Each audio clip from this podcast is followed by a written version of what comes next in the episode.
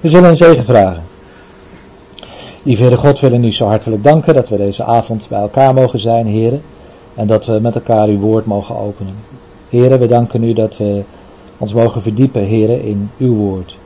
Heren, dat, uh, dat u het bent die uh, ons uw raad heeft bekendgemaakt. Heren, en uh, ja, dat u ons ook heeft toegerust met uw geest. Heren, de geest der waarheid die ons de weg wijst tot de volle waarheid. En dan weten we, heren, dat we eigenlijk altijd uitkomen bij uw Zoon, onze Heer Jezus Christus. Hij die de weg, de waarheid en het leven is.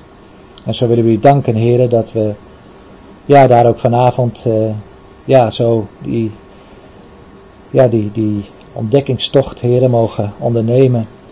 Om ook uh, ja, met elkaar ook te zien welk geweldig plan u heeft, heren. En hoe u dat alles zult volbrengen in en door uw Zoon, de Heer Jezus Christus. Wilt u ons zo, uh, ja, maar leiden, heren. En ja, dat u ons ook door uw woord ook, ook zegent.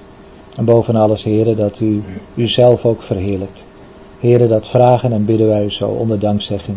In de naam van de Heer Jezus Christus. Amen. Amen. Goed, vanavond uh, het Messiaanse Vrederijk. En uh, ik stel voor dat we ter inleiding uh, daar ook maar een stukje over gaan lezen. We zullen heel wat teksten vanavond de revue passeren. maar ik denk ter inleiding dat het fijn is als we met elkaar lezen Jesaja 11. Jesaja 11.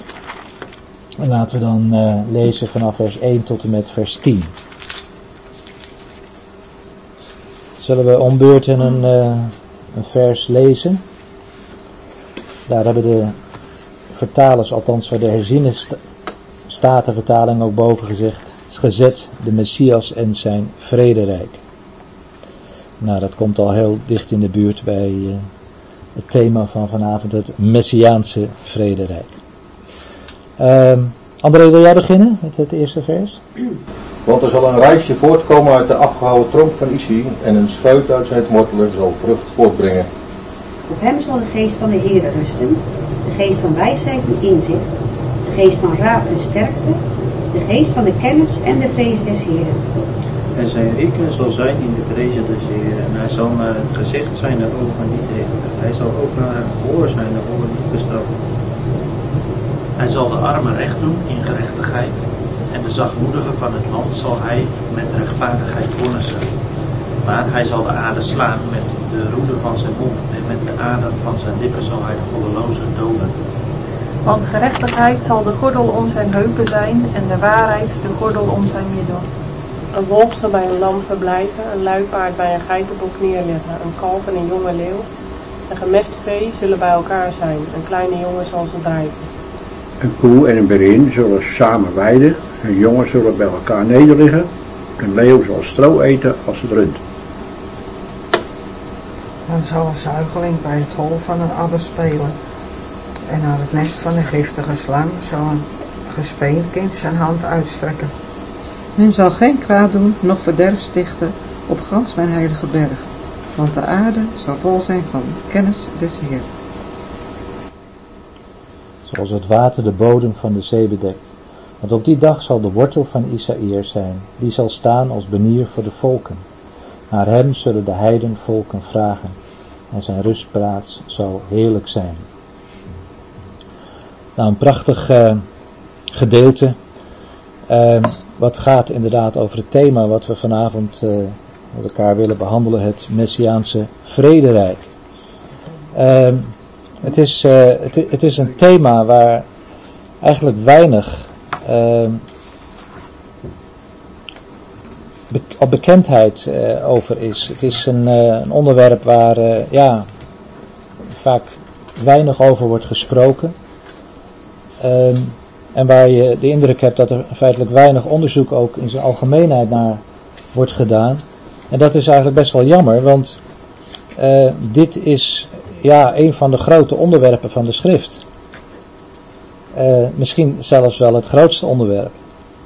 Uh, als je de Bijbel uh, zo doorleest, dan, dan zul je zien dat eigenlijk uh, heel veel betrekking heeft op de tijd dat de Heer Jezus Christus terug zal zijn op aarde. En ja, dat vrederijk zoals we dat hier vanuit Jesaja 11 met elkaar hebben gelezen. Ehm, ja, dat dat dan zal aanbreken. En, en dat zal dan ook, ja nogmaals, dat, dat is het thema wat we met name eigenlijk ook in de psalmen heel veel terugvinden.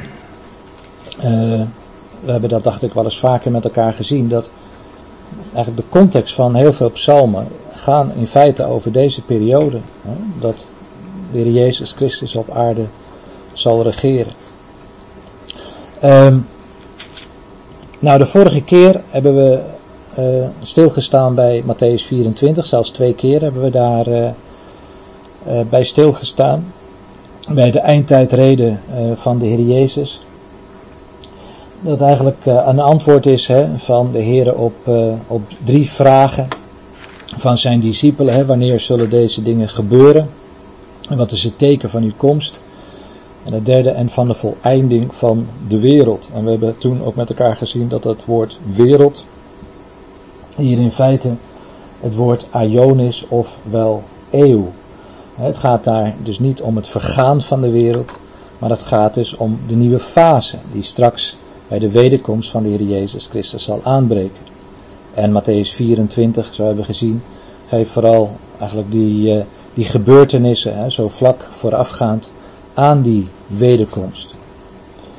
Um, ja, wat zijn eigenlijk de belangrijkste kenmerken van die nieuwe aion, van die nieuwe eeuw die straks zal aanbreken? Nou, we zullen er straks uh, heel wat uh, de revue laten passeren. Maar eigenlijk gewoon toch eerst even beginnen om een beetje ook wat goed in het onderwerp te komen. Um, twee, de drie belangrijkste uh, thema's eigenlijk van eh, of laten we zeggen, de, de, ja, de, de, de kenmerken van die nieuwe aion, is dat er een einde zal komen aan het terreurbewind van Satan. Uh, Satan, die, uh, zoals je kunt lezen in 2 Korinthe 4, uh, daar wordt aangeduid als de God van deze eeuw. en dat geeft eigenlijk ook al aan de tijdelijkheid van, van zijn ja, terreurbewind. Het is deze eeuw. Het is een bepaalde fase waarin hij dus ja, ja, dood en verderf hè, en leugen en bedrog uh, verspreidt over deze wereld. En ja, je hoeft wat dat betreft de radio maar aan te zetten of je krant te lezen.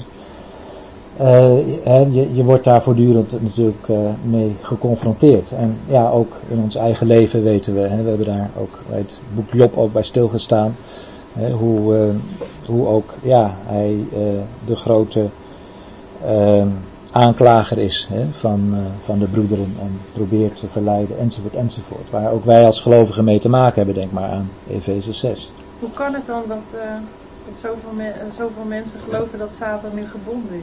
Ja, daar, komen straks, daar kom ik straks nog ja? even op terug. Ja, ja. Ik heb er vanochtend een beetje in zitten verdiepen, maar ik dacht Oké, okay, oh, leuk, leuk, ja. ja. Nou, we, komen daar, we komen daar inderdaad straks uh, even op terug, op, uh, op inderdaad die, die gedachte, dus dat uh, Satan gebonden zou zijn. Ja.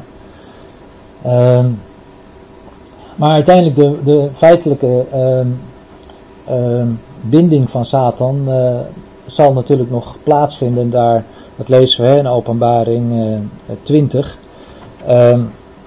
dat dat de, de draak, de oude slang, zoals hij daar wordt aangedaad, de duivel, de Satan, en dan zie je eigenlijk de verschillende benamingen um, van hem, die zal straks dus die duizend jaar gebonden worden en dan ook in de afgrond geworpen worden. En dat is feitelijk dus de fase waar wij dus over spreken. Hè? Dus de nieuwe periode waarin dus Satan uh, ja, niet meer in staat zal zijn om, uh, om de mens te verleiden.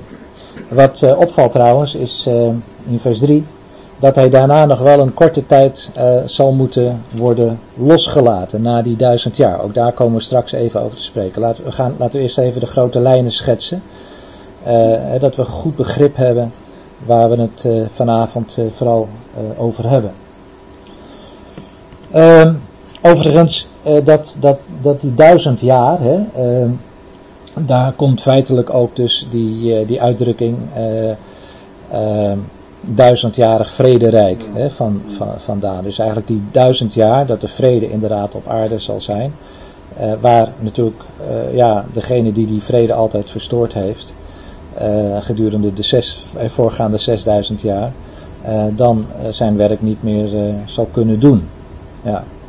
Daar komt trouwens ook het woord giliasme vandaan, misschien ook wel eens een term die je wel eens gehoord hebt, waar ook dat getal duizend hè, dan ook in, in terug wordt gevonden. En je zal ook zien dat eh, bij eh, ja, bepaalde eh, eh, ja, theologische eh, richtingen ehm, men, eh, men dat giliasme eigenlijk afdoet hè, als, eh, als, ja, als iets wat, eh, ja, wat, wat feitelijk eh, ja, onbijbels zou zijn.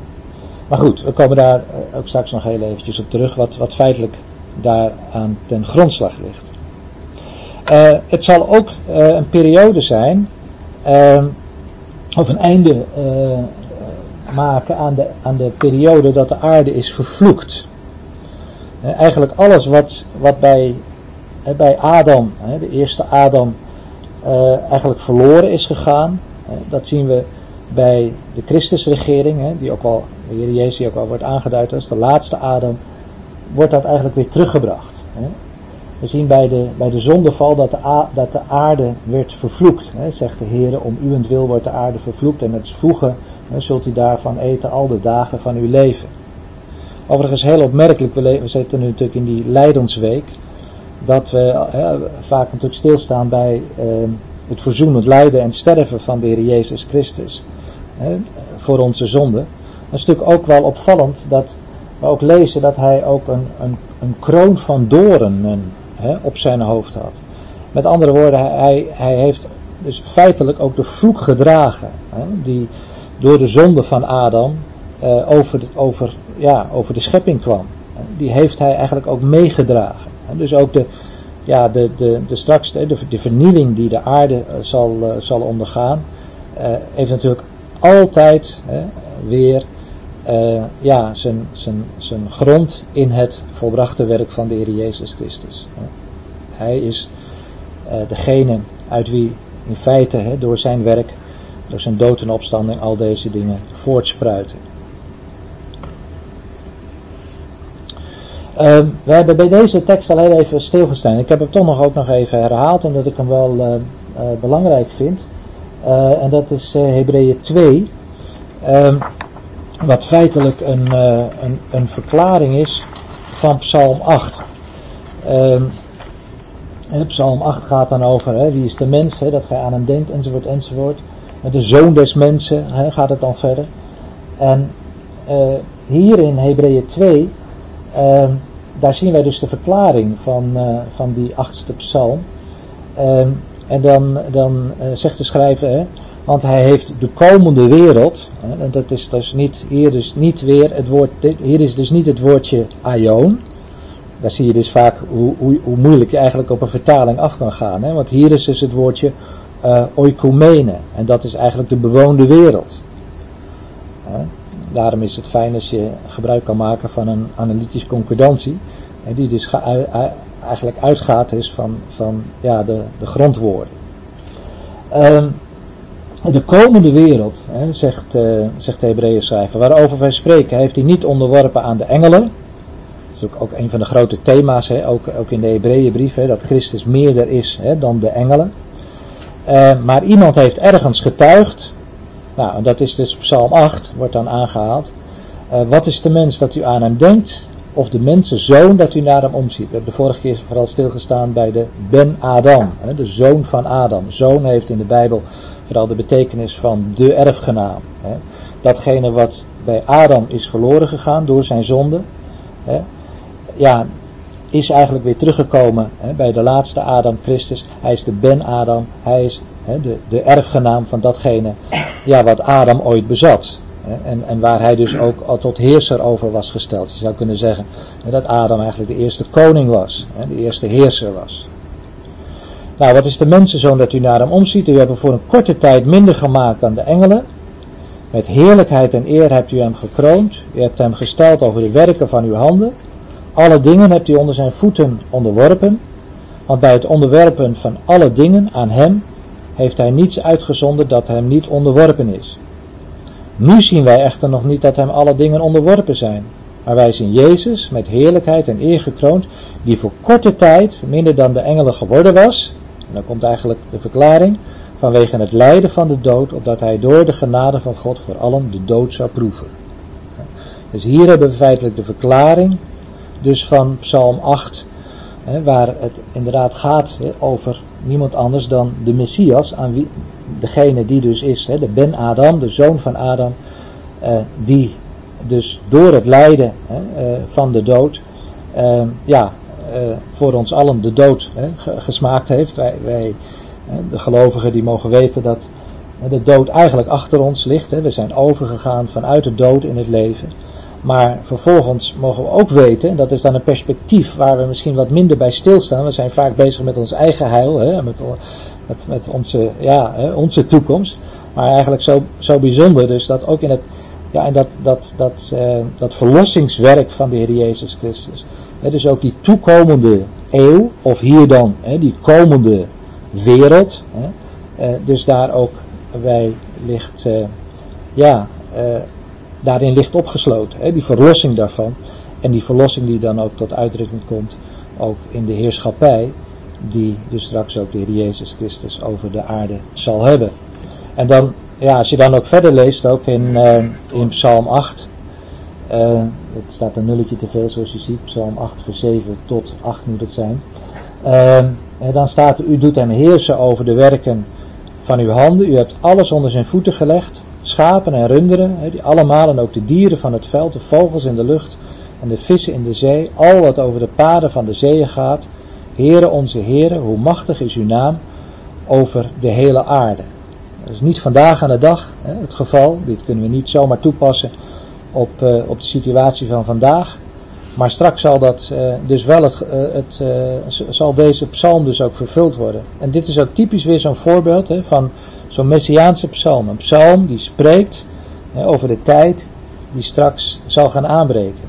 Ik ben er zelf ook van overtuigd dat, uh, dat ook uh, in het messiaanse rijk ook die, dat boek der psalmen ook een... Uh, wat zeg je? Hij wil wat zeggen. Oh sorry, wil je wat zeggen? Ja? Dit, dit, sluit er wel een beetje op aan. Er stond in Hebreeën dat hij heeft een komende wereld niet onderworpen aan de engelen. Ja. Maar aan de zoon staat ja. eigenlijk. Ja. Maar betekent dat dat de wereld uh, op het moment van dat het vrederijk ingaat al helemaal onderworpen is aan hem? Dat is een goede vraag en ook daar komen we zo nog op terug. Uh, want, uh, maar goed, daar kan ik nu wel alvast antwoord in zoverre op geven. Dat inderdaad de toekomende wereld, hè, dus de komende wereld, ehm, zal dus inderdaad aan Christus onderworpen worden.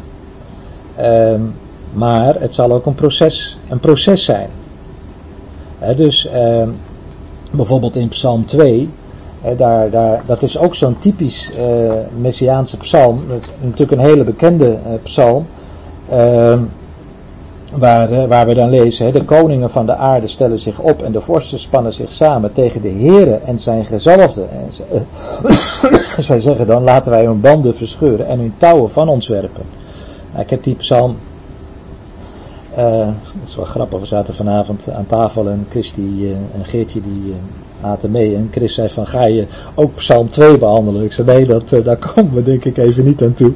Maar het is wel eigenlijk prachtig, een prachtige psalm ook, om ook te laten zien hoe dus ook in ja, een bepaald proces die, die, die onderwerping gepaard gaat. Daar, zal dus ook nog, ook nog ook nog weerstand tegen zijn. En dat, dat, dat is begrijpelijk. Hè? Dus als Christus straks zal wederkomen, hè, zal dus ook, laten we zeggen, geleidelijk aan, ja, die heerschappij zich, zich uitbreiden. En we zullen later zien in onze studie dat ook een aantal volkeren zich ehm, niet van harte zullen onderwerpen. Ook, en vandaar dus ook, nou dan heb ik eigenlijk al heel, heel veel van het verhaal verteld, maar goed, misschien helpt dat wel een beetje om de grote verwanden te zien.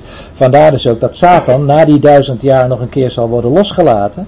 En dan zal, zal blijken dat dus ook inderdaad heel veel volken zich dus niet van harte zich aan de heren hebben onderworpen. Maar uiteindelijk gewoon hun hart hebben verhard. En, en, en dan zal dus ook blijken hè, wie eigenlijk ja, eh, hè, wer- werkelijk oprecht eh, de Heere van harte hebt willen dienen en wie niet. Nou, dan heb ik al, nou maak ik een heleboel stappen vooruit, maar dat geeft verder niet. Dat, zien we in ieder geval even de grote lijn. Is dat antwoord op jouw Ja. vraag? eh, ja. En op Psalm 2, waar, waaruit kun je dan opmaken dat het over dat vrederijk gaat? Nou, wa- waar je dat, waar je dat dus uit kunt opmaken, ehm, is dus dat, eh, dat, dat dus de koningen de aarde stellen zich op en de vorsten spannen zich samen tegen de Here en zijn gezalfde. Letterlijk staat er de Messias, hè, de, de Messias, de gezalfde. Dus dan zal Christus op aarde zijn, eh, maar dan eh, zal hij ook, zal hij ook, ook ingrijpen.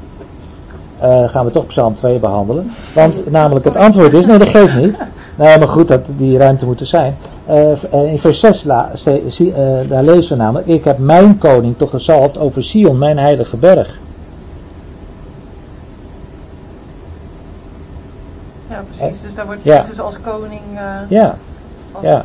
is, koning. is, is, is dan al aanwezig. Want kijk maar, het eindigt ook met vers 12. Hè, Kus de zoon, opdat hij niet toornig wordt en u onderweg omkomt. Wanneer zijn toren slechts even ontbrandt.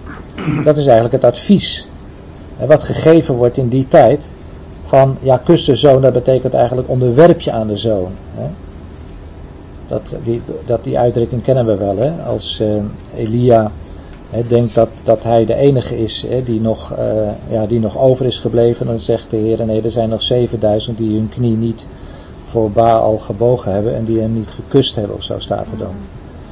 Dus, dus dat wil eigenlijk zoveel zeggen als, als onderwerping. Dus Psalm 2 is ook dus typisch, ook weer, zo'n zo'n messiaanse. Hè? Kijk, je kan dat natuurlijk allemaal gaan vergeestelijken en je kan zeggen, ja nou moet je kijken wat een oorlogen er allemaal zijn. En het, natuurlijk uiteindelijk gaat daar een hele geestelijke wereld achter schuil. Maar de feitelijke, concrete vervulling van deze psalm heeft dus alles te maken dus met de tijd dat Christus zal regeren. En dus eh, ja, die enorme eh, weerstand eh, dan ook zal worden opgewekt.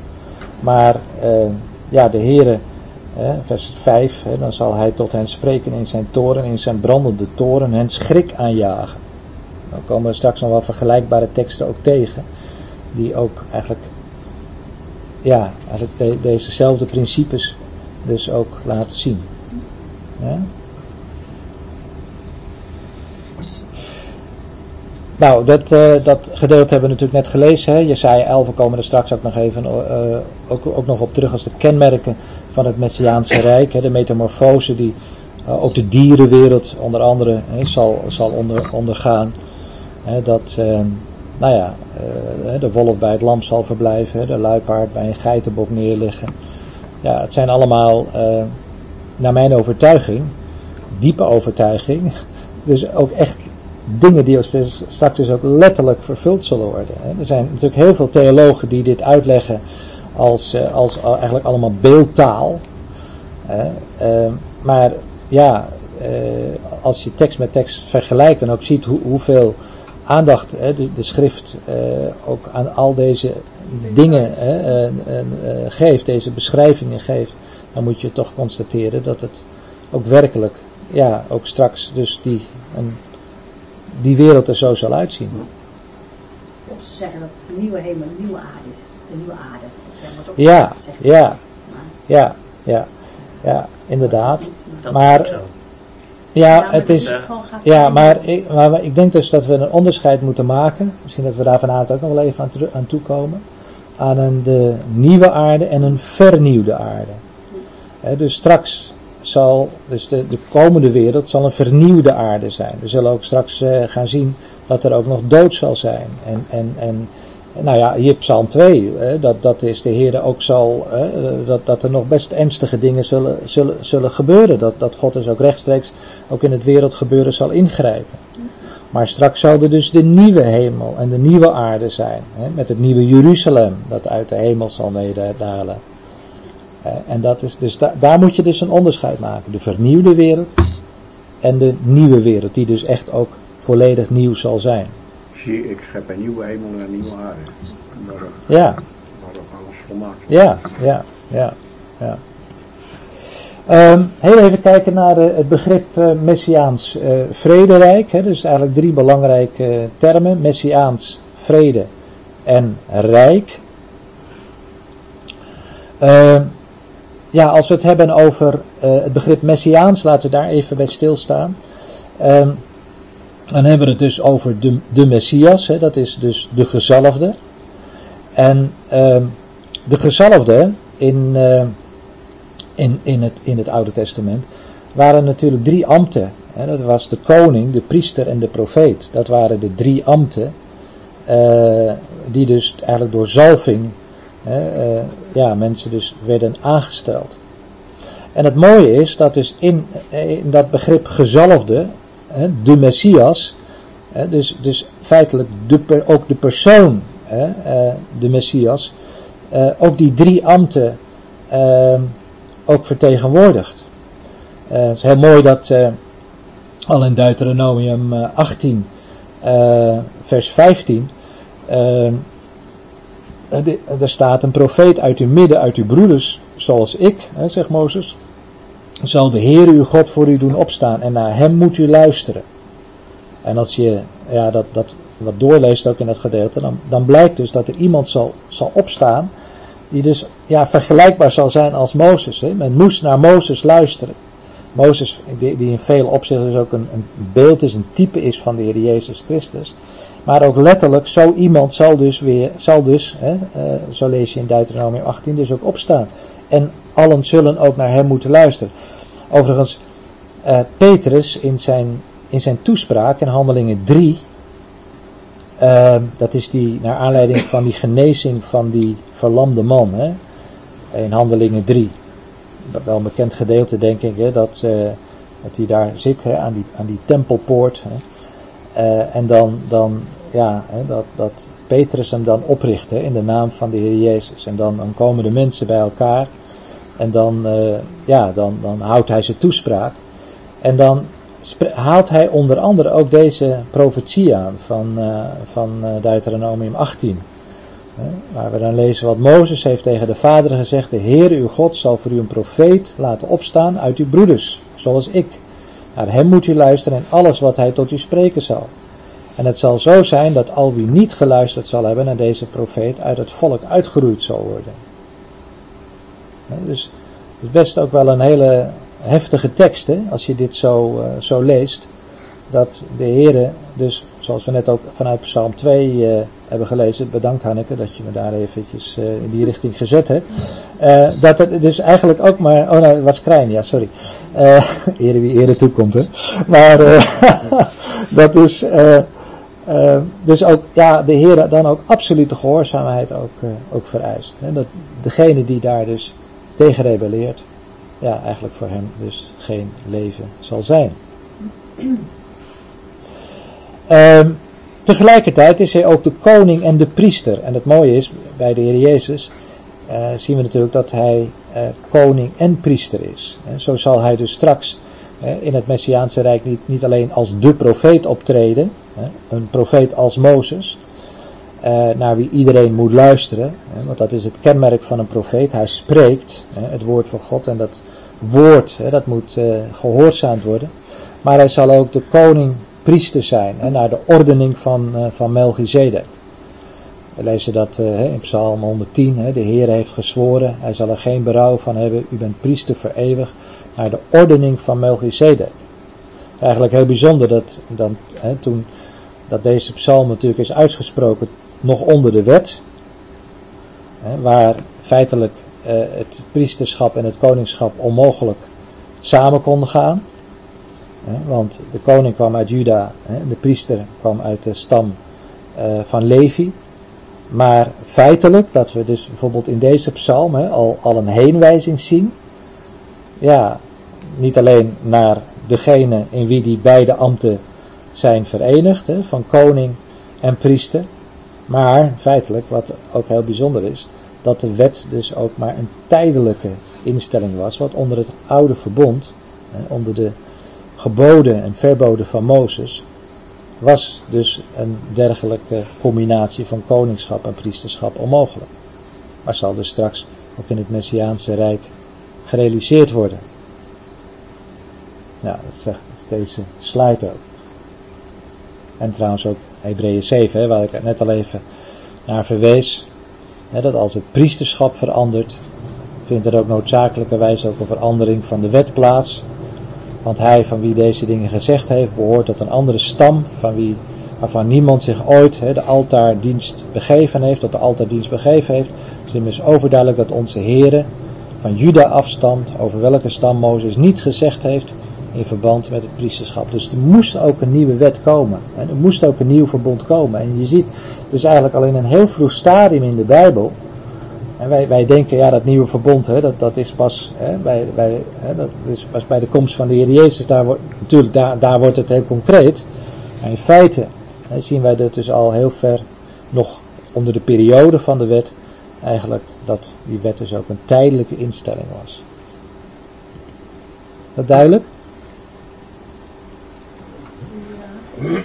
Ja, je zit nu het begrip Messia, Messias uit te leggen. Ja, ik, ik leg dus het begrip. niet zozeer Messia- alleen ja. van in het vrederijk. Of- Nou ja, kijk hier, eh, hier zien wij hem dus ook inderdaad terug. Ja, inderdaad. En dus de profeet, hè, waar we dus net over hadden, hè, die dus straks inderdaad hè, zal ook Jezus als was op aarde toch ook al een profeet, ja, zeker.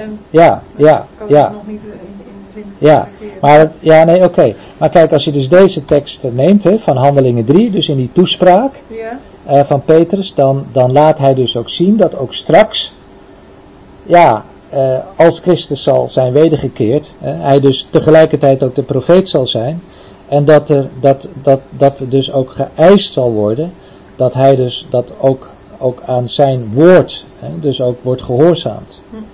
Hm. Dus wel degelijk ook die, ja, hè, dus die, die drie ambten, die dus ook straks in het Messiaanse Rijk ook in Christus vertegenwoordigd zullen zijn. Uiteindelijk toen hij Jezus op aarde rondliep, werd hij als profeet begraven. Ja. ja, door de overste zeker niet eh, gehoord, denk ik. Nee, werd hij niet erkend. Nee. Nee, nee, nee, nee. Ja, ja. Maar dan zal hij dus inderdaad eh, erkend eh, worden. Ja. Eh, en moeten worden. Dus, ja. Maar wordt dat in handelingen gezegd als, alsof dat nog vervuld moet worden? ja, we kunnen er wel even naartoe. We gaan er wel even naartoe naar handelingen 3.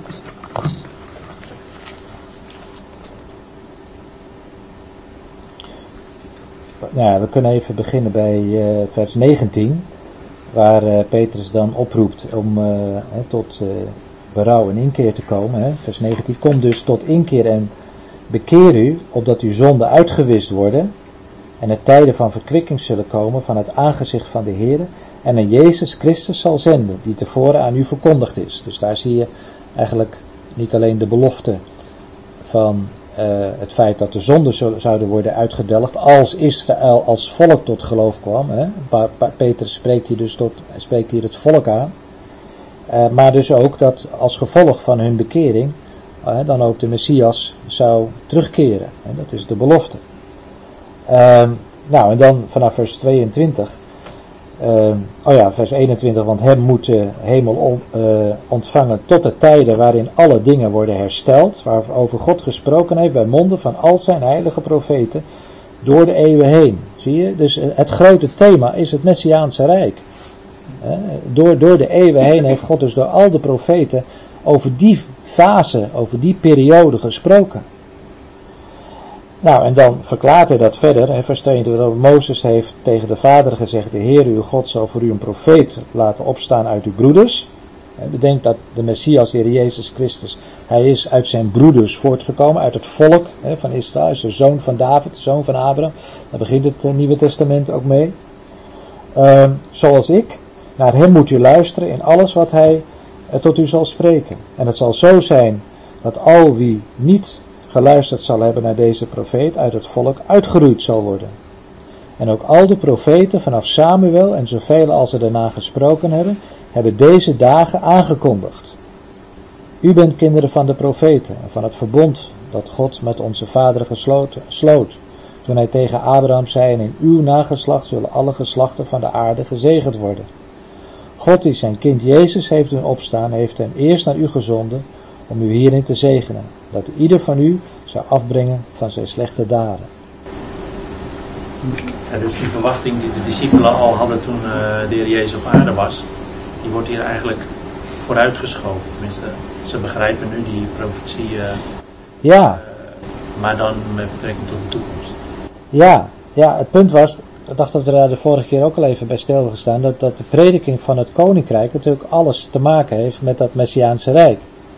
Alleen dat, dat de discipelen eh, toen ja, niet, eh, nog niet verstonden, de schriften nog niet verstonden, dat aan hè, eh, zijn verheerlijking eerst zijn lijden vooraf moest gaan. Hè. Eerst moest zijn, moest zijn lijden en sterven hè, eh, plaatsvinden om vervolgens zijn verheerlijking.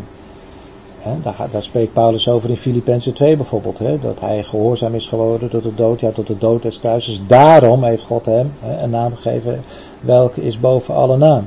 En je ziet dus inderdaad dat hier dus Petrus, eh, nadat, de Heer dus ook ja, het, het verstand van, de, van, van zijn discipelen geopend heeft, zodat zij de schriften begrepen. En Lucas 24 meen ik, als ik uit mijn hoofd zeg, lees je dat. Ehm, dat, ze, dat toen eigenlijk ja, het hele, hele plaatje ineens eh, compleet werd. Is dat antwoord op jouw vraag, Krijn, of niet? Ja. ja. Is dat duidelijk? Of eh, spreek ik uh, abacadabra? Wat zeg je? Tongentaal, zeg ik. Oh ja. Moet er een vertaler zijn. Uiteindelijk was die vraag ook heel terecht toen ze zeiden van zult gij in deze tijd Ja. gelijk wederop richten. Ja, precies. Eh, Ja, ja. 40 dagen heel gesproken had. Ja, ja, ja. Nee, helemaal, eh, ja, dat is helemaal waar, correct. Ja, dat, dat was hun verwachting. En die verwachting was, ja, net wat je zegt, was dus ook, was ook, was ook gewekt door de heren tijdens hun prediking. Ja. Best wel vaak vroeger uitgelegd werd van, nou ja. Domme vraag. Domme vraag. Ja, eh, klopt. Ja, ja, dat is zo. Ja. Terwijl het een hele relevante vraag was. En, de, en het antwoord van de, de, de vraag is ook niet of het komt, maar wanneer het komt. Dat, hè, dat het komt, dat, dat, was, dat was duidelijk. Hè. De Heer straft het ook niet af. Alleen de tijd, hè, die heeft, hij, die heeft de, de, de beschikking daarvan, heeft de Vader aan zichzelf gehouden, zo lezen we dan. Messias wist het zelf ook nog niet. De Heer Jezus wist Nee. het zelf ook niet. Dus ja. We gaan moedig voorwaarts. Maar breek in, hè? Doen we wel. Oké. Ja, nou, dat, dat hadden we behandeld. Ja, dat hebben we behandeld.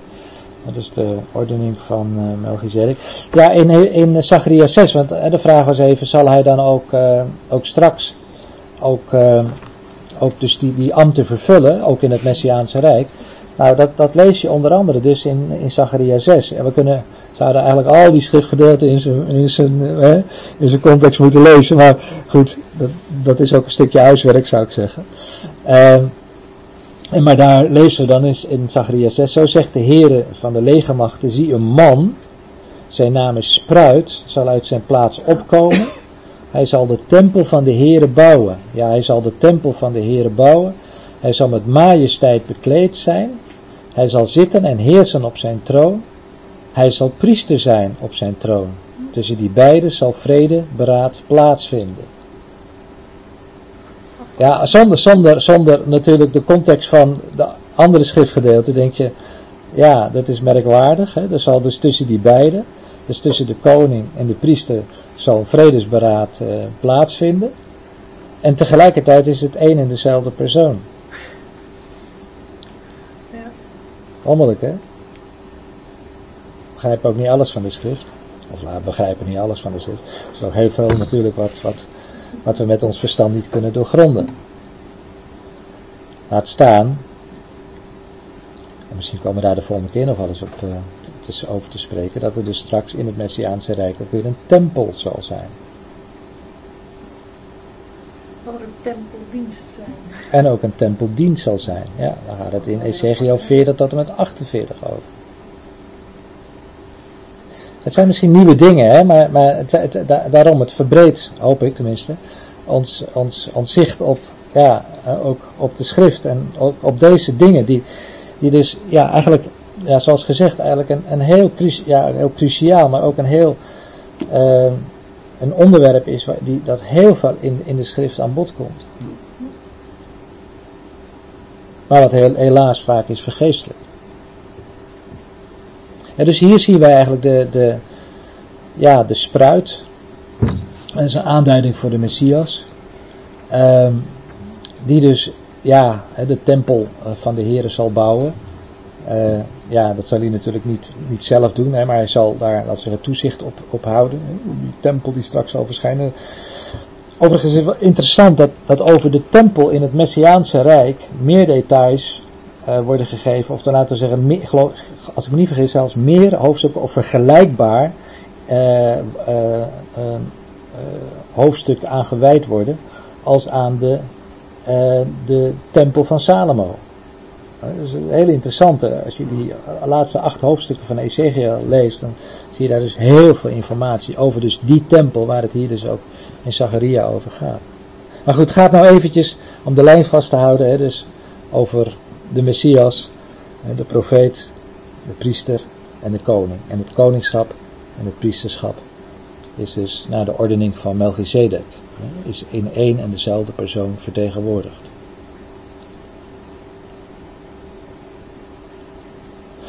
Het zal dus ook een, uh, een vrederijk zijn. Waarom, waarom noemen we het een vrederijk? Uh, nou ja, inderdaad, omdat straks, hè, we hebben net al even, ja, hè, Zachariah 4 hè, gaat over de spruit. Hier komen de spruit weer tegen. Hè? Weer een ander aspect van de Messias. Ja? Vorig hebben we net gezien dat, dat, dat de priester en het koningschap in hem vertegenwoordigd is. Hier zien wij met name het koningschap uh, schap, uh, beaccentueerd. Uh, en namelijk dat hij als rechtvaardige spruit uit David zal opstaan. Namelijk ook een van de kenmerken van zijn koningschap. Hij is, hij is de zoon van David, aan wie ook een eeuwig koningschap was beloofd. Nou, hoe kon aan David een eeuwig koningschap beloofd worden? Ja, dat kon alleen maar omdat er uit hem ja, een zoon zou voortkomen die dat zou kunnen waarmaken, dat eeuwig koningschap. En dat is, hè, dat is dus Christus. Hij is dus een spruit, hè, die eigenlijk uit, uit, uit Israël, uit, uit David is voortgekomen. Hij zal als koning regeren en verstandig handelen. Nou, dan gaat het over de toekomst. Hij zal recht en gerechtigheid doen op de aarde. Nou, Psalm 2 weer. In zijn dagen zal Juda verlost worden en Israël onbezorgd wonen. Nou, dat is vandaag aan de dag natuurlijk niet het geval. En men zal hem noemen de Heere onze gerechtigheid. Dat zal de naam zijn waarmee men hem noemen zal. Adonai Kenu, de Heere onze gerechtigheid. Wat dus eigenlijk ook zoveel wil zeggen, dus dat hij niet alleen mens is, hè, niet alleen naar de mens uit, hè, uit David is voortgesproten, maar dat hij dus ook God is. Hij is dus ook de Heere. Men zal hem ook straks ook erkennen als de Heere, onze gerechtigheid. Dat is ook het thema natuurlijk van de Romeinenbrief. Hè? Hoe wordt de mens ja, rechtvaardig verklaard? Ja, Paulus die gaat daar natuurlijk uitgebreid. Hè? Dat is het grote thema hè, van, van deze brief. Maar uh, ja, in, in Romeinen 10, hè, daar, uh, daar, daar, daar zegt dan uh, Paulus met betrekking tot zijn eigen volksgenoten. Uh, we kunnen het er even bij pakken, Romeinen 10. Broeders, hij spreekt hier namelijk vooral tot zijn eigen broeders ook naar het vlees. Broeders, de oprechte wens van mijn hart en mijn gebed tot God voor Israël is gericht op hun zaligheid. Want ik getuig van hen dat zij ijver voor God hebben, maar niet met het juiste inzicht omdat zij immers de gerechtigheid van God niet kennen en een eigen gerechtigheid tot stand proberen te brengen. Zie je? Hebben zij zich niet aan de gerechtigheid van God onderworpen. En wat is die gerechtigheid van God? Ja, dat is niet iets, niet een abstract iets, maar dat is in feite niemand anders dan de Messias zelf. Hij is, de Heer, Jezus Christus is onze gerechtigheid. God verklaart ons rechtvaardig niet op grond van onze goede daden, maar hij verklaart ons rechtvaardig, vaardig om recht te doen, eh, in zijn zoon, de Heer Jezus Christus. Eh, en dat, dat is eigenlijk de tragedie die, die, die Paulus eh, in deze woorden tot, tot uitdrukking brengt. Ja, ze hebben wel een ijver voor God, die broeders van mij naar het vlees. Dat is onvoorstelbaar zelfs. Alleen, ja, het is, het is zonder een kennis van de gerechtigheid die ze eigenlijk wel hadden, hadden kunnen kennen. Hadden kunnen kennen, moeilijk woord, moeilijke zin. Maar, eh, want eh, dit, dit is wat, wat, eh, wat, wat Jeremia al had, eh, of de Heer eigenlijk al door de mond van Jeremia had voorzegd, namelijk dat ze hem zullen noemen, hè, de Heere onze gerechtigheid. En dat lees je eigenlijk ook in vers 4, hè, want het einddoel van de wet is Christus tot gerechtigheid voor ieder die gelooft. Daar gaat het uiteindelijk in de wet naartoe. De wet was niet, stond niet op zichzelf. Hè. De wet was uiteindelijk om uit te komen bij Christus.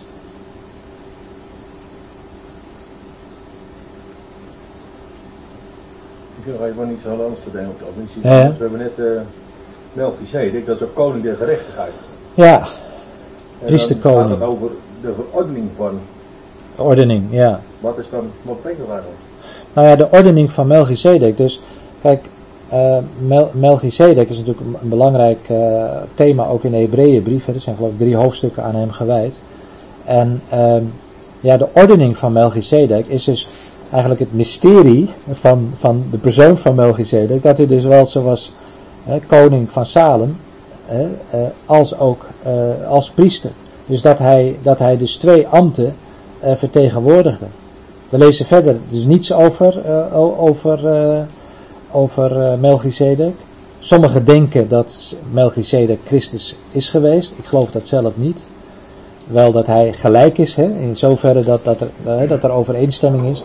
Maar ik denk dus dat met de komst van eh Melchizedek, eigenlijk maar, maar een paar versen in de Bijbel zijn in het Oude Testament aan zijn gewijd. En waar drie hoofdstukken dus in de Hebreeënbrief aan zijn gewijd. Dat het daar dus vooral gaat dus om ja, dat bijzondere van dus dat koningschap en het priesterschap. Hoort ik, Ja. Hij is dan eh, een, een gerechtigheid, een zedek. Hij heet een gerechtigheid en hij doet gerechtigheid. Dus alle drie. Het, het draait om het woord gerechtigheid. Ja, ja. Maar ik denk dus dat, eh, tenzij je tot de conclusie moet zou komen, dus dat Melchizedek eh, Christus zelf is, wat ik persoonlijk niet, niet, niet geloof, uit, uit, Maar ja, het wordt toch een titel, of tenminste of een, eh, of een functie, een ja, koning ja. Het, eh, het, het, le- het, het opmerkelijke is alleen hè, dat de Hebreeën schrijver ook zegt hè, dat hij was zonder, eh, zonder eh, verleden, hè, of zonder jaren. En dus dat hij in heel veel opzichten, eh, dus hij, hij, hij duikt hè, ineens op en, dan, en, hij is ook, en hij is ook weer weg. En ehm, ja, ik, ik denk dus als je, als je zegt, hè, dus hij dus, dus, dus de koning der, de- ja, der gerechtigheid was, hè, dus, dus beide eh, in hem vertegenwoordigd waren, dat het ook ja, niet zijn eigen gerechtigheid is geweest, hè, maar die uiteindelijk ook een er al zoveel gerechtigheid. samen. hè. Het is zijn naam, het is zijn, zijn titel, ook zijn werk. Het vrucht van gerechtigheid. Het, het draait allemaal om dat woord dan ook. Denk je. Ja, ja, ja, ja. Maar die, die dus uiteindelijk dus zijn- vervulling zullen krijgen in, in, eh, in, in, in, in Christus. En, en dus ook eh, straks dus ook zijn vervulling zullen krijgen, ook in het Rijk. Wat dus ook eh, op aarde dan zal gevestigd zal worden. Hè? Want kijk, Jesaja 32 is wat dat betreft ook een hele belangrijke. De vrucht van de gerechtigheid zal vrede zijn. Dus die, die, die vrede zal niet zomaar... natuurlijk in Christus hebben wij, mogen wij die vrede hebben op grond van het volbrachte werk. Maar die vrede zal dus ook straks, ook op aarde, eh, dus ook gestalte krijgen in de gerechtigheid die, die dan ook de norm zal zijn op basis waarvan dus Christus zal regeren. En die ordening van Melchizedek, is dat, staat dat niet ook eh, ten opzichte van Levi? Dat, eh, dat hij niet uit Levi geboren is en daarom niet een priester is volgens de ordening van Ja, Levi, ja, ja.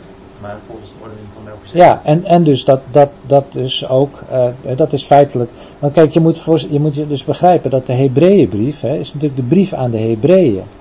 Dus, dus de apostel, wie dat geweest is, weten we niet. Ik, het zou heel goed kunnen zijn, hè, als je ziet met hoeveel kennis van, van de oud-testamentische geschriften, dat vermoedelijk Paulus is geweest.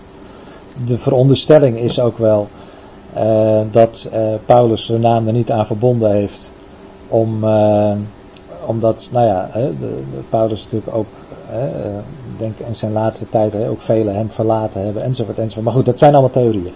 Ehm, het is natuurlijk, de, de brief aan de Hebreeën is dus, is dus, is dus geschreven aan, aan, de, aan de gelovigen uit de Joden, hè, de, de gelovige Joden, om hen eigenlijk mee te nemen, dus ja, in die nieuwe werkelijkheid van Christus volbrachte werk.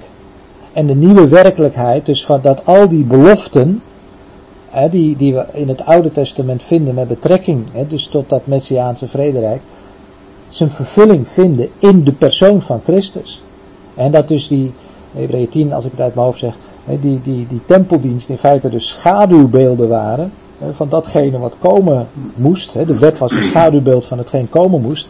En dat dus dat alles zijn vervulling heeft gekregen in dus de persoon van Christus. En zijn, ja, de, uit, de uitoefening van zijn, van, van zijn, zijn, uh, hoe heet het, uh, ambten. Ja, dankjewel ik zie in de tekst van de Hebreeën staat ja. dat hij aan de Zoon van God gelijk gemaakt is. Dus dat zal het niet, kan het niet zelf zijn. Nee, nou precies, ja. dat is ook een van de teksten waarvan ik dus ook denk ja.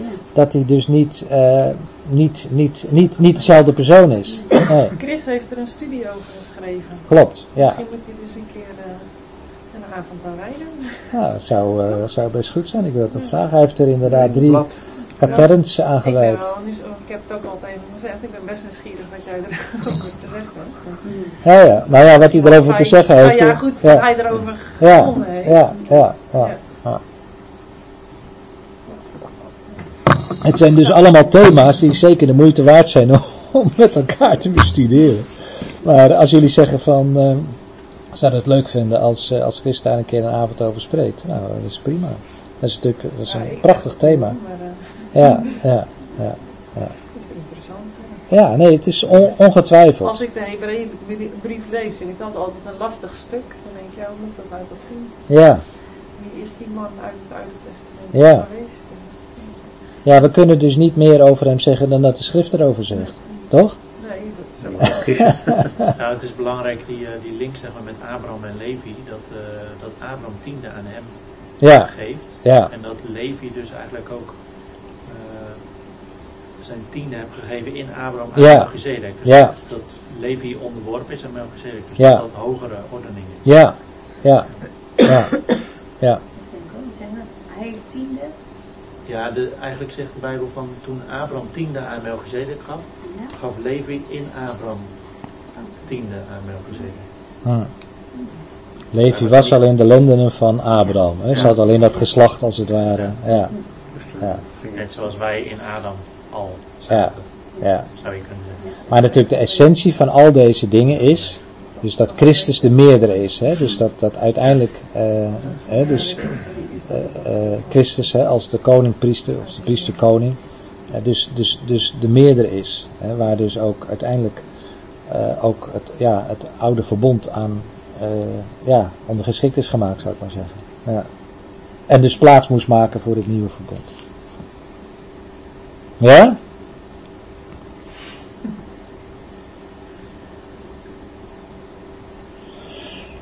Nou, inderdaad, hè, dat, dat, eh, is mooi wat, wat, eh, wat, wat Paulus hier schrijft, eh, of zegt eigenlijk in Antiochieën, de, de synagoge, hè, waarin hij aan herinnert, ik heb David, de zoon van Isaïe, gevonden, een man naar mijn hart, die al mijn bevelen zal volbrengen. En dat was met Saul niet het geval. Saul was de keuze uiteindelijk van het volk. David was de keuze van de Heer. Hij was degene die, eh, die uiteindelijk zijn bevelen heeft eh, volbracht. En uit zijn nageslacht, zegt, eh, zegt dan ook Paulus, in de synagoge heeft God voor Israël volgens de belofte de zaligmaker Jezus doen voortkomen. Nou, dat zijn eigenlijk ook de twee, ook weer de twee kenmerken van dus ook zijn, hij is, hij is gekomen uit, het, uit het geslacht van David. Ehm, maar uiteindelijk natuurlijk ook om zowel de heiland te zijn, als ook de koning te zijn, de verlosser. Dat is ook mooi als je kijkt naar, naar de geboorteaankondiging door de engel uh, aan Jozef. Dan, dan zegt de engel, zij zal een zoon baren en u zult hem de naam Jezus geven, want hij zal zijn volk zalig maken van hun zonde. Zijn volk, het gaat hier dus nog exclusief hè, om het Joodse volk. Maar natuurlijk als je dan bij uh, de aankondiging aan Maria, dan zie je dat, dat zich dat dus ook verder ook uitstrekt, dus ook naar zijn koningschap. Je zult zwanger worden en een zoon baren en je zult hem de naam Jezus geven. Hij zal groot zijn en zoon van de Allerhoogste genoemd worden. En God de Heere zal hem de troon van zijn vader David geven. En hij zal over het huis van Jacob koning zijn tot in eeuwigheid en aan zijn koninkrijk zal geen einde komen. dat, is, dat zijn eigenlijk de kenmerken dus van zijn, van zijn koningschap. Hij moest uit David voortkomen, het geslacht van David. En uh, hij is, uh, of uit, uit, de, uit de stam Juda, om weer even terug te gaan naar de Hebreeënbrief. Waar natuurlijk uh, David ook uit is voortgekomen. En hij zal dan ook degene zijn die ook een koningschap zal hebben, he, wat, waar geen einde meer aan zal komen. Daar gaat ook wel, dat gaat dan over het vrederijk. En daar, dat gaat dan inderdaad specifiek over het vrederijk. Ja. Maar dan wordt het staat er nog uh, ontbonden. Dan komt toch even een eind aan het koningschap. Nee, er zal er niet een tijd einde komen aan zijn koningschap. Um, maar er zal er dus nog wel, aan het eind van die duizend jaar, zal er dus nog wel een strijd plaatsvinden. Maar Satan zal daar in een hele korte tijd uh, zal hij dus uh, uh, dan ook overwonnen worden. En ook de volkeren die hij nog in die rebellie zal meeslepen. Openbaring kunnen we later nog een keer ook naar kijken. Tijdens die tijd is Jezus nog steeds komen. Hij, ja, zeker. Ja, hij verzet zich, net als Psalm 2 zal ik maar zeggen. Maar daar zie je dus de volkeren hè, die, die daar, zich daartegen verzetten. Maar straks zal dus inderdaad, hè, als Satan losgelaten zal worden, zal hij dus ook nog een korte tijd uh, ja, de, de volkeren nog weer uh, aanvoeren ten strijde. Maar, maar dat zal aan het koningschap van Christus uh, geen einde maken. Integendeel, het zal zijn koningschap alleen maar bevestigen. Want Satan zal daar dus ook het definitieve ja, onder spit delven. Ja. En dat gebeurt twee keer, hè, dat de volken optrekken naar Israël. Dat gebeurt eigenlijk voor het vrederijk. Ja, ja, ja. Ja, ja, ja. Alleen, ja, dus, het zijn hele mooie vragen. Het punt is alleen, ja, inderdaad. Je ziet het inderdaad ook aan het einde van het duizendjarig rijk. Uh, ja, zie je dus ook feitelijk ook uh, Gog en Magog. Uh, zie, je, zie je ook inderdaad nog, nog optrekken. Ja, ja. Maar is dat echt richting Israël is dat gewoon... Nee, dat zal ook richting... Nou ja, kijk... Kijk, uiteindelijk zal, zal natuurlijk blijken dat, dat zie je in feite ook vandaag al, waar, gaat het veelal om? Het gaat om Israël. En het gaat uiteindelijk om Jeruzalem.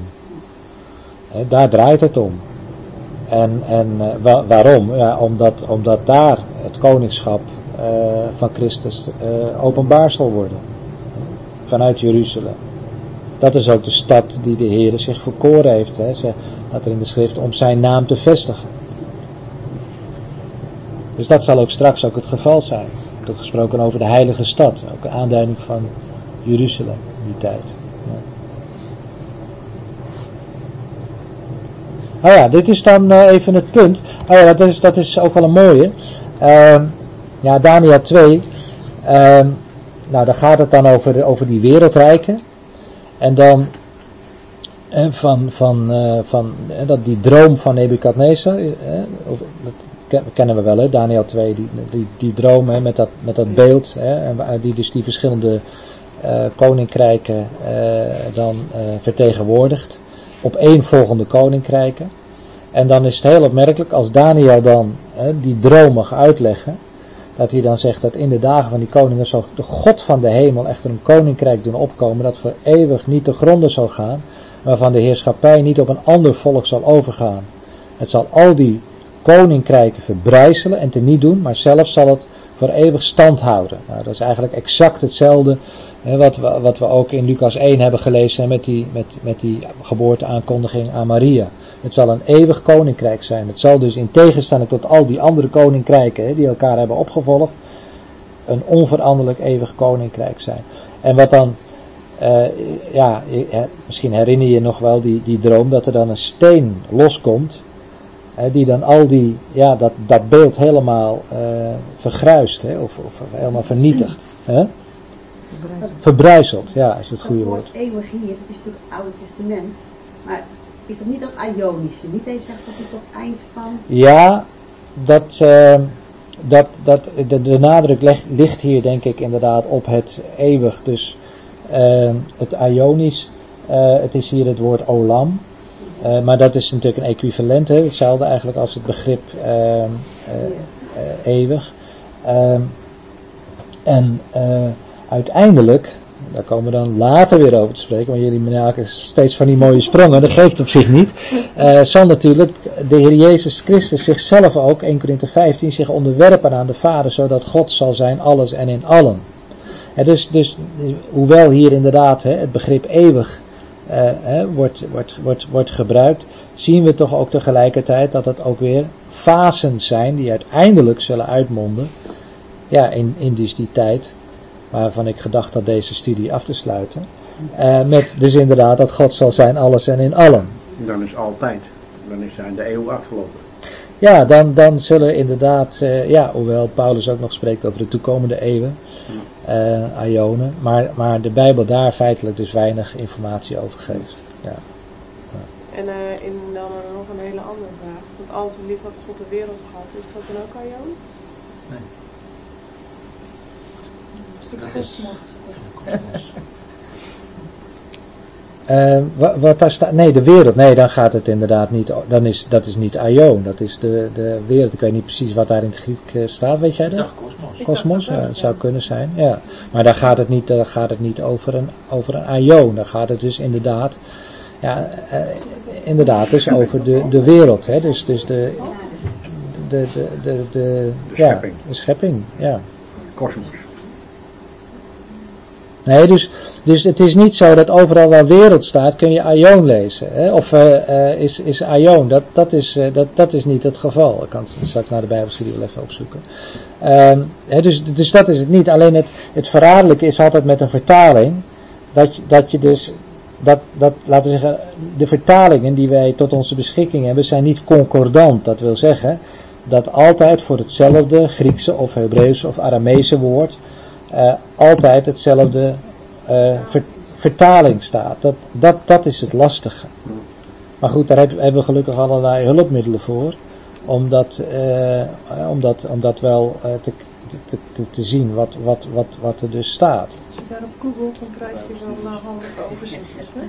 Maar het, het omgekeerde is ook, het omgekeerde is ook niet per se waar, toch? Dat eh, overal waar Aion staat, dat je dan eh, eeuw moet, eh, of wereld moet, tenminste ook eeuw, eeuw dan eigenlijk rekenen. Ja, weet je, kijk, in ons ta- kijk, taal is altijd, kijk, taal is geen wiskunde. Hè? Nee. Dus, dus, dus taal is, is, is, eh, is flexibel in die zin ehm, dat, eh, kijk, wij zeggen ook, wat, wat leven we in een verschrikkelijke wereld. Hè? Maar je, je kan ook zeggen, wat, wat leven we eigenlijk in een vreselijke tijd. Weet je? En, en tijd en wereld zijn natuurlijk met elkaar, ook, ook weer met elkaar verbonden. Hè? Dus, dus een aion ja, heeft alleen maar betekenis eh, voor zover het is gerelateerd aan de aarde, aan de, aan de mensheid, aan de schepping. Aan, eh, dus, dus, dus tot op zekere eh, opzicht, in zeker opzicht zijn begrippen wel inwisselbaar. Alleen, eh, ja, eh, het is natuurlijk wel zo dat de heren, eh, ja, eh, ook ja, zich wel gebruik maken van taal. En, en, en natuurlijk wel moeten kijken van ja, wat, wat, wat staat er. Maar wat staat dus in de grondtekst. Maar het hoeft dus niet per se eh, ja, altijd. eh, eh, de, de, de vertalers hebben natuurlijk hun, redenen gehad eh, om, om dat dan met wereld weer te geven. Hoewel natuurlijk met vertalen ook altijd weer een theologie achter schuil gaat. Dus ook eh, het begrip wat, wat, ja, wat, wat, wat de vertalers hebben gehad van bijbelse waarheden, hebben zij ook weer weergegeven, ook in hun vertaling. Laten we verder gaan. Laten we verder gaan. Nou goed, hè, dus, dus eh, niet, hè, oh ja, die steen die dus loskomt, hè, niet door mensenhanden, dat staat er heel expliciet. Eh, nou ja, en dan, dat is eigenlijk wat, nou ik heb dit even eh, neergezet voor wat betreft dan eh, de catechismus. Eh, dat is zondag 28. Ehm, 48. ach, sorry, 48, dankjewel. Over wat er dan gezegd wordt van uw koninkrijk komen. Nou, dan, dan lees je de ver- verklaring. Dat is regeer ons al zo door uw woord en uw geest, dat wij ons hoe langer hoe meer aan u onderwerpen. Bewaar en vermeerder uw kerk, totdat de volkomenheid uws rijks komen, waarin gij alles zult zijn in allen. En daar zie je feitelijk eh, ja, de, de, de, de, ja, de, de perceptie die men had, hè, dus van dat koninkrijk, dat dat koninkrijk dus ja, uiteindelijk door de kerk op aarde gevestigd zou worden. Dus de gedachte is feitelijk dat, dat de kerk hè, de aarde, de, de volkeren zou kerstenen, hè, tot, tot Christus zou brengen, kerstenen. En, en dat zo dus langs die weg der geleidelijkheid dat koninkrijk op aarde zou eh, gevestigd worden. Ehm, buiten Israël om, want dat, hier zitten we natuurlijk midden in de vervangingstheologie. Eh, want het is duidelijk natuurlijk dat dat koninkrijk eh, ja, niet alleen vanuit Jeruzalem eh, gevestigd zal worden, maar natuurlijk dat Israël daarin eh, ja, een, natuurlijk een hele, hele belangrijke positie zal innemen. Hè. Exodus 19 vers 6, daar lezen we dat het een koninkrijk zal zijn van priesters. Hè, dat hele volk. Dus dat, dat, dat zijn inderdaad, hè, dus ook weer even antwoord op jouw vraag, Hanneke, want jij had hier, eh, begrijp ik, ook eh, wat onderzoek naar gedaan via het, eh, via het internet. Maar dat, dat is eigenlijk, ja, veelal dus de, ja, de, de overtuiging die men heeft. En je, je zal dat, al- als je goed luistert, ook in heel veel predikingen, zul, je, zul je dat ook, ook terugvinden.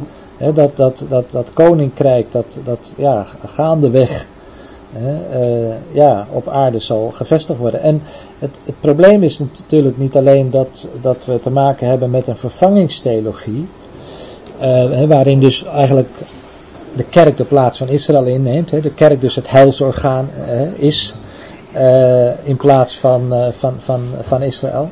Maar ook de gedachte dat dus de, de hele ontwikkeling op deze aarde zich zal evolueren.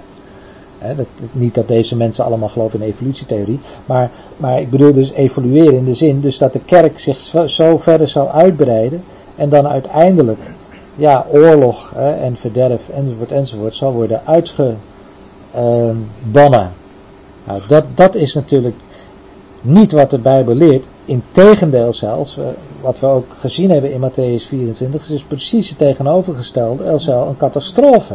De, de, de, eh, de eindtijd zal, zal juist, een, een, geen, juist een enorme degeneratie tot eh, eh, openbaar maken. Het zal in feite het nog weer opnieuw openbaar maken wat er feitelijk in de harten van mensen leeft. Ik denk dat heel veel mensen de term koninkrijk ook zien als dat je gelooft in God en dat je dus uiteindelijk ook dan deel uit zult maken van het koninkrijk. Nou ja, weet je, over dat koninkrijk is natuurlijk niet zoveel, want men zegt dan van waar hij komen zal om te oordelen de levenden en de doden. En dat is eigenlijk waar de eschatologie zo'n beetje ophoudt. Ja. hè, Dus de Nee, leren goed, laatste dingen. Als, er wordt natuurlijk heel vaak gevraagd van eh, we zoeken arbeiders. eh, Oh ja, arbeiders in het koninkrijk, of, ja, eh, ja, of, ja. ja, of, die helft mee om het Ja, koninkrijk ja, te bouwen. ja, ja, ja, uit te breiden. Ja. Eh, Ja, en daar heb je- het koninkrijk Ja. Maar het Ja. staat er wel van. Het koninkrijk is nu binnenin u of zo. Zoiets staat er ook wel natuurlijk. Ja, onder u, omdat de koning natuurlijk eh, in het midden was. Hè, en, daar, en daar waar dus de, daar eigenlijk ook een stukje van het koninkrijk ook openbaar werd. Maar ja, maar weet je, het is, het is niet alleen dus binnen de, binnen de kerkelijke theologie, hè, of de reformatorische theologie, maar, je ziet, maar Nee, natuurlijk ook. niet. Nee, eh, nou precies. Je hebt natuurlijk binnen de evangelische kringen heb je natuurlijk de, de, de prosperity gospel, hè, dus eh, die feitelijk ook hetzelfde leert. Hè, van, van je hoeft niet ziek te zijn en, eh, eh, en, en, eh, en als je maar genoeg gelooft, dan, ja, dan, dan kun je een, groot, een geweldige bankrekening krijgen enzovoort enzovoort. Je hoeft niet in een eenvoudig autootje te rijden, maar je kan minstens een BMW of een Mercedes of wat dan ook rijden. Vragen en je zult ontvangen. ja, vragen je zult ontvangen. Ja, nou, inderdaad. Ja. Dus dat is ook, dat is ook een koninkrijks, hè, de Kingdom Now eh, theologie. eh, die ook zijn eh, duizenden verslaat. En toch blijf ik het lastig vinden, dat koninkrijk. Goed, dat, dat komt waarschijnlijk door mijn opvoeding, maar dat, dat is, nou ja, goed. Maar wat, Ik wat, wat, ook, Misschien voor mezelf wel eens uit. Maar wat, wat, maar wat, wat vind je er lastig aan, eh, Hanneke? Nou ja, ik denk dat als je tot geloof komt, dat is toch wel dat Ja. is iets wat meebouwt aan dat koninkrijk, toch? Wat uiteindelijk zou komen. Dat is misschien Nou, dan nog niet het- hier, nou, maar dat nou- heeft wel invloed op straks. Tuurlijk. Nou, in zoverre, kijk, we zijn overgezet, zegt Paulus, in het koninkrijk van de zoon zijn liefde. Ja, Hè, dus je kan niet zeggen dat, dat we zeggen, het begrip koninkrijk uitsluitend, precies. ja, Ja. het, het ligt dus genuanceerder. Ja, En, en, en, ja? Alleen, alleen het punt is dat we dus niet, eh, ik kan, het punt is dus dat, dat we niet eh, mo- moeten, de, de verwachting moeten hebben dat, eh, dat, dat dus door hè, de kerk en door, laten we zeggen, alles hè, aan, aan zending en evangelisatie, hè, aan arbeid verricht wordt, dat dus dat koninkrijk langzamerhand er zal komen, zodat, laten we zeggen, dat is, dat, dat is eigenlijk ook vaak veel de gedachte dat men zegt van ja, de aarde moet klaargemaakt worden voor de komst Ja, van nee, Christus. Nee, Nou, dat is het niet. nee. Ja, dat wou ik net vragen. Kijk, mag je dan eh, ja, wel of niet bidden om uitbreiding van het koninkrijk? Ja. Maar.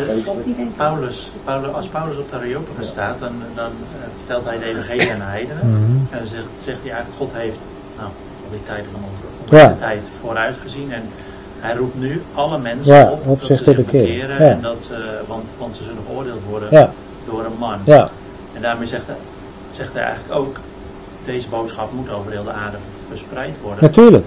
Want iedereen zal geoordeeld worden. Dus dat, uiteindelijk mag je dus nog, moet je dus nog steeds, mag je dus nog steeds bidden dat iedereen zeg maar, dat die boodschap hoort, zich verkeert, onderwerpt aan God. Eh, zodat, ja, zodat je in het oordeel, Ontvliet. Het oordeel ontvliet. Ja. Ja. Maar kijk. Nou ja, goed, dat zegt, dat zegt natuurlijk inderdaad. Hè, eh, God wil niet dat enige verloren gaan, hè, Petrus, hè, maar dat alle tot bekering komen. Dat is, dat is de inzet. Johannes 3, vers 16 het is al even genoemd. Hè, dat, dat God al zo lief de wereld heeft gehad, hè, opdat in ieder die in hem gelooft niet verloren gaat, maar het eeuwig leven heeft.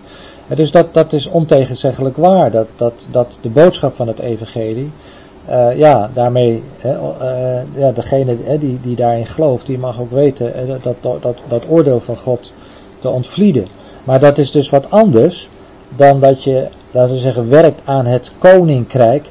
eh, en, en dus ook een, een verwachting eh, daarmee bij hebt, of een verwachting wekt aan je, aan je, aan je orders, eh, als prediker, eh, van, eh, weet je, eh, wij, wij hè, door onze inspanningen zal dus straks hè, die wereld, want de- Maar die, dat- die wereld ver- verbeteren, want dat, dat, dat ja, dan, dan, dan zit je gewoon Maar dat- dat idee heb ik ook nooit Nee, gehad nee, als ik die term hoorde. En dat Oké. is mij volgens mij ook nooit zo uitgelegd, maar het is gewoon meer inderdaad van dat je dan...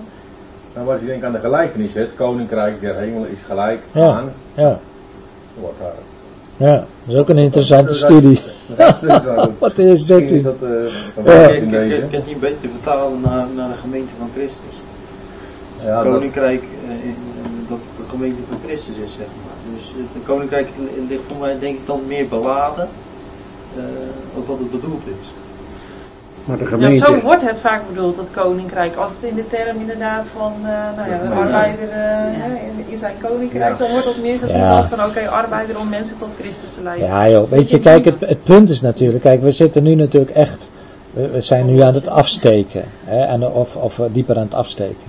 Maar dat wil natuurlijk niet zeggen, kijk, ik zal echt niet stijgeren als iemand zegt van, eh, weet je wel, wat, eh, ik ben, eh, ja, weet je wel, we- ik ben een werker in het koninkrijk, of weet je wel, of, of, of, of die, die, die, term, die termen hè, zo, zo gebruikt. Maar het is wel goed dat we met elkaar wel, hè, door, vanuit, door schriftonderzoek, Ja, wel proberen ook zorgvuldiger de, de dingen te verwoorden. Zodat je niet, eh, ja, zo, zodat je wel dicht, dicht blijft bij de, bij de schrift. Kijk, het idee van het koninkrijk, hè, wat, wat we dus behandeld hebben in de evangeliën, is, en, en dat bedoel ik helemaal niet elitair van jongens, jongens, wat weten wij veel. Het is, eigenlijk- het is vaak precies tegenovergesteld, naarmate je meer weet dat je ontdekt wat je, wat je eigenlijk niet weet.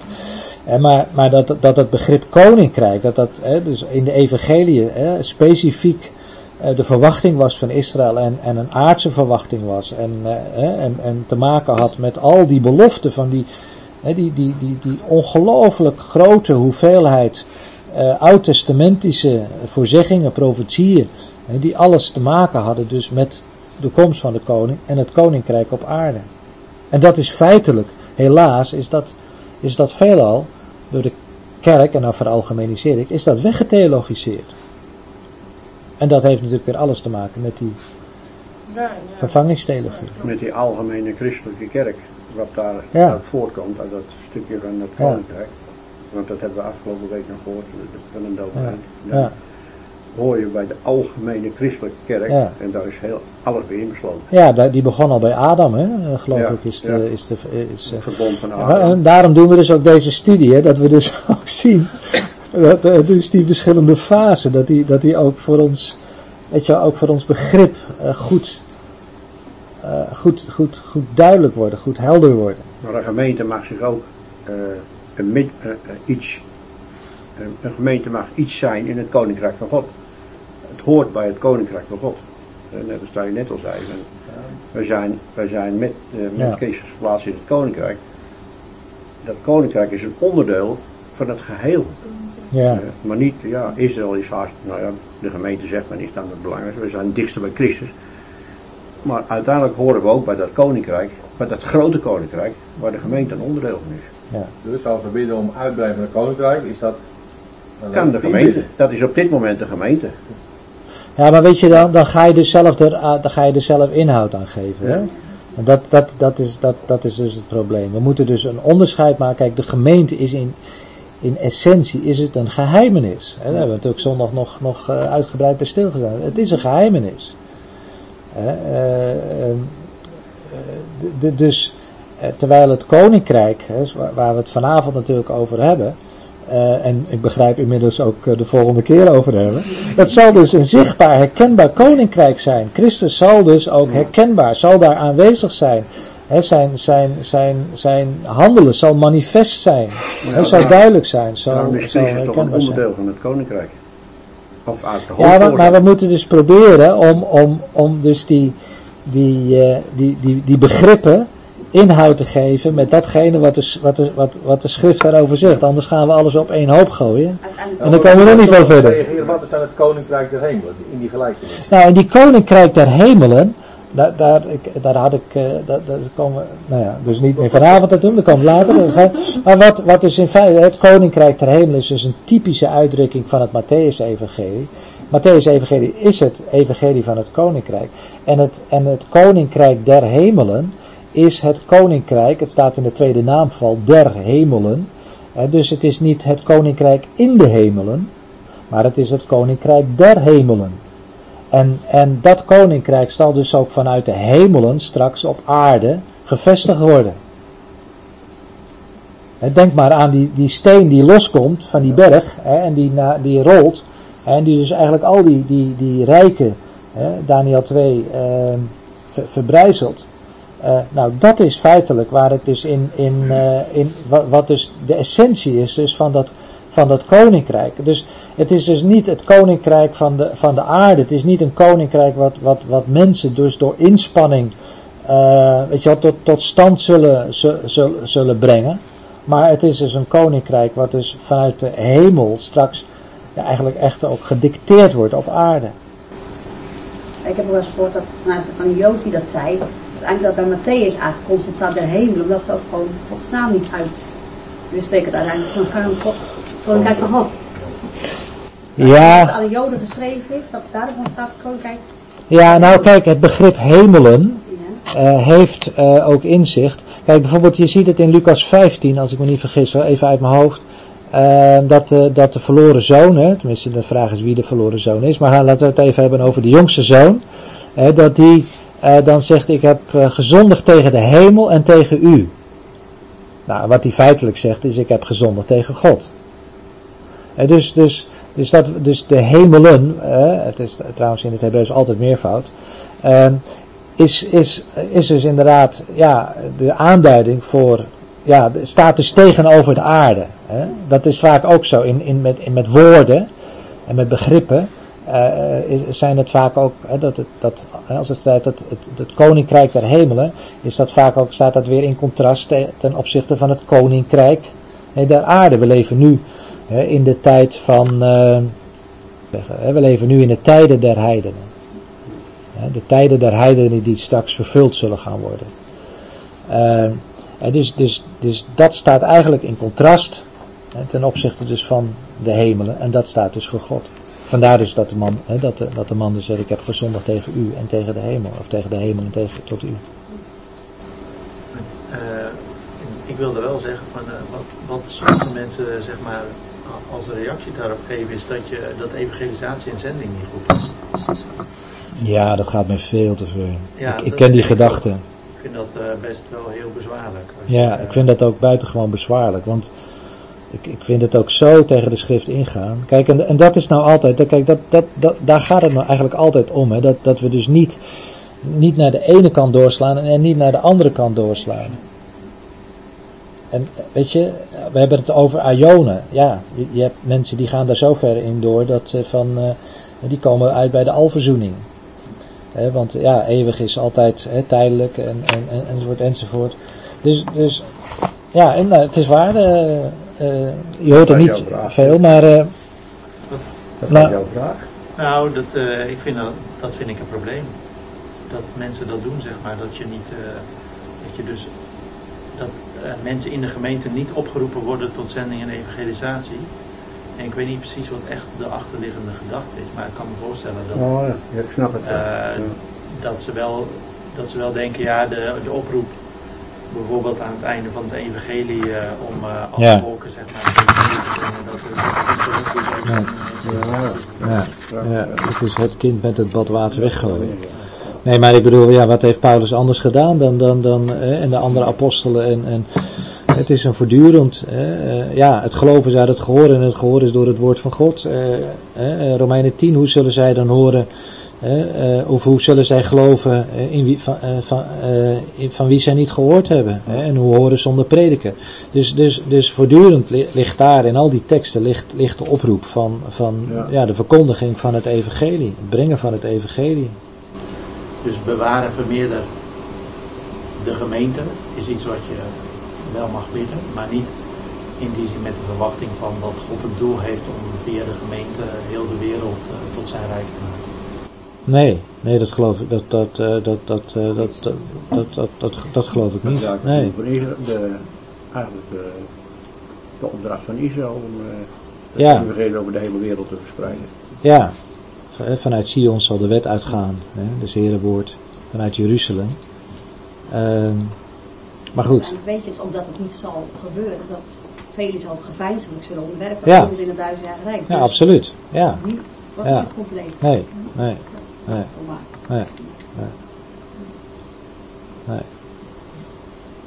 Dus, eh, we gaan de volgende keer verder.